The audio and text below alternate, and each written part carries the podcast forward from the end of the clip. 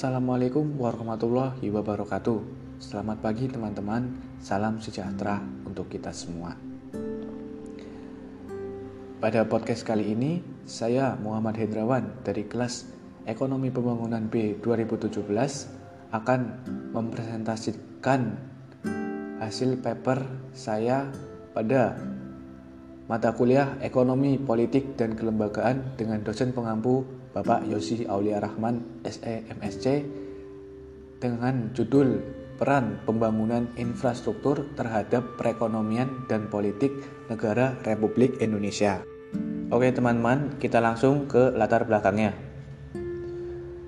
Pembangunan infrastruktur merupakan salah satu aspek penting saat ini guna mempercepat proses pembangunan serta meningkatkan pemerataan pembangunan di suatu negara. Di Indonesia sendiri, pembangunan infrastruktur terus berkembang dan terus digenjot pada pemerintahan Presiden Joko Widodo saat ini.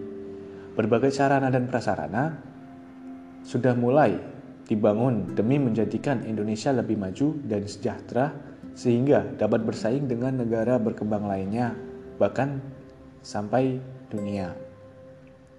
Nah, aspek penting ini berguna untuk mempercepat proses dalam pembangunan serta meningkatkan pemerataan pembangunan di suatu negara.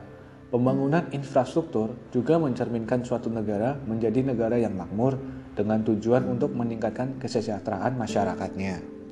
Di sisi lain, dari segi aspek politik, dalam pembangunan infrastruktur di suatu negara tidak lepas dari bantuan atau campur tangan negara lain yang dianggap mampu untuk memberi bantuan dalam bentuk real maupun investasi finansial. Uh, saya ambil contoh, Indonesia pernah atau hanya mampu membiayai pembangunan infrastruktur kurang dari 50% dari keseluruhan jumlah anggaran pendapatan dan belanja negara atau APBN-nya. Lanjut ke pembahasan. Berikut adalah data pembangunan infrastruktur pada era Joko Widodo. Di sini saya mengambil sumber dari bkkbn.go.id.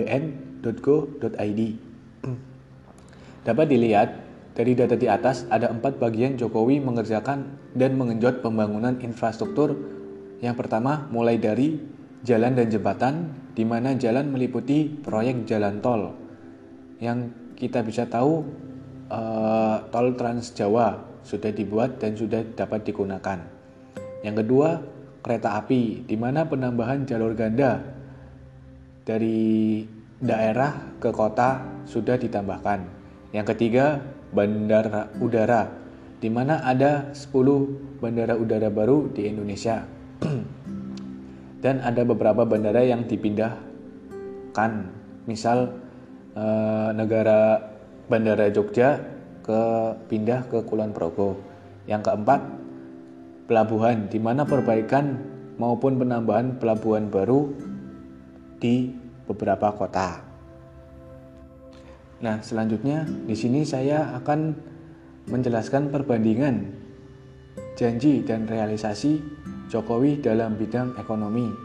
Pada tahun 2014, janji Jokowi pertumbuhan ekonomi akan mencapai 7%. Namun pada realisasinya pertumbuhan ekonomi rata-ratanya hanya 5%. Dan di sini saya akan langsung ke pertumbuhan industri manufakturnya. Pertumbuhan industri manufaktur tumbuh hanya 4,7% dan ekspor masih bertumbuh pada sumber daya alam. Selanjutnya ada tabel perekonomian Indonesia dalam bentuk persen. Di sini dilihat dari 2015 sampai 2019 eh, tabelnya menurun dari 2015 sampai 2018 perekonomian Indonesia dalam persennya meningkat namun 2018 eh 2019 kita turun. Nah, dari dua data di atas dapat kita tarik kesimpulan bahwa pada pembangunan infrastruktur sangat berpengaruh terhadap pertumbuhan ekonomi suatu negara.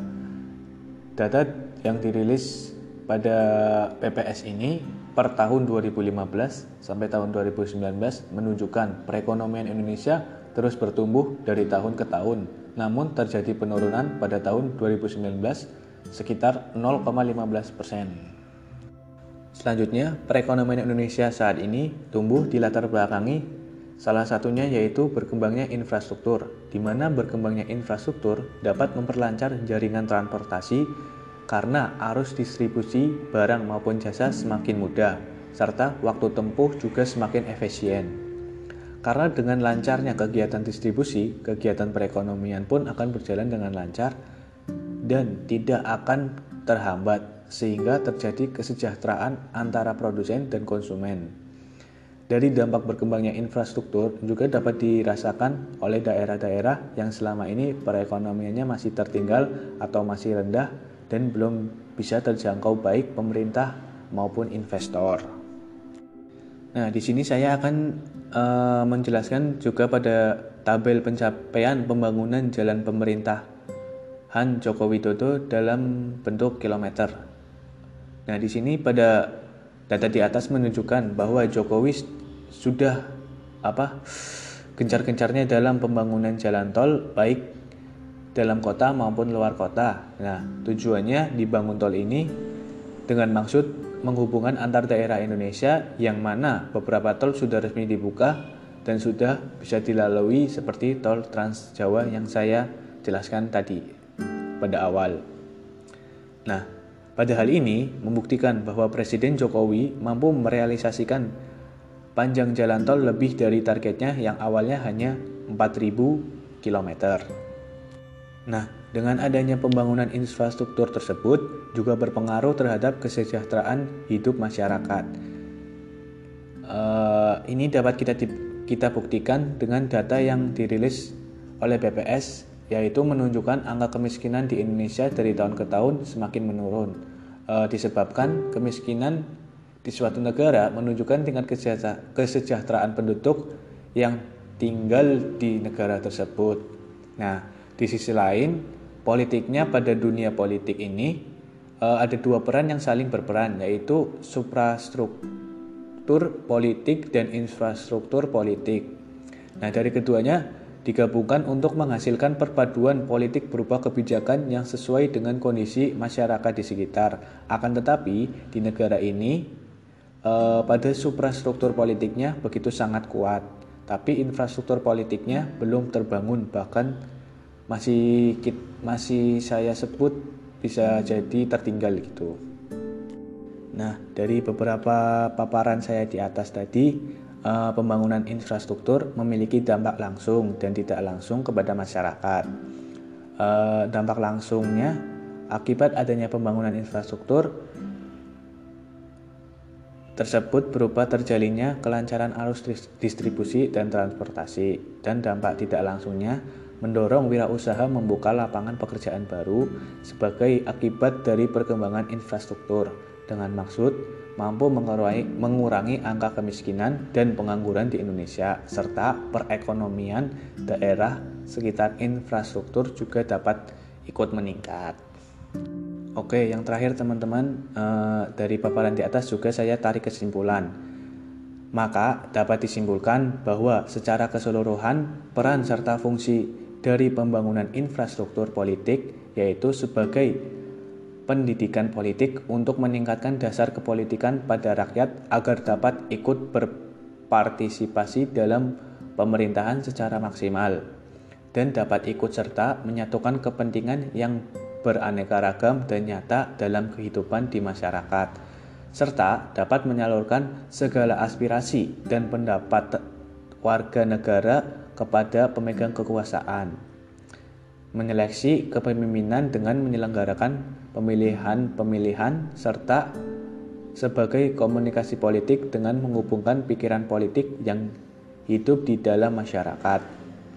Dan apabila nantinya peran dan fungsi infrastruktur politik dalam setiap elemen dijalankan dengan baik, maka akan mewujudkan suatu kebijakan politik yang diharapkan masyarakat lancar, integrasi yang mendorong harapan masyarakat dalam bentuk kebijakan tergantung dari berjalannya atau tidaknya peran fungsi komponen dalam sistem politik khususnya infrastruktur politik. Oke, sekian teman-teman uh, paparan dari saya, kurang lebihnya mohon maaf. Wassalamualaikum warahmatullahi wabarakatuh.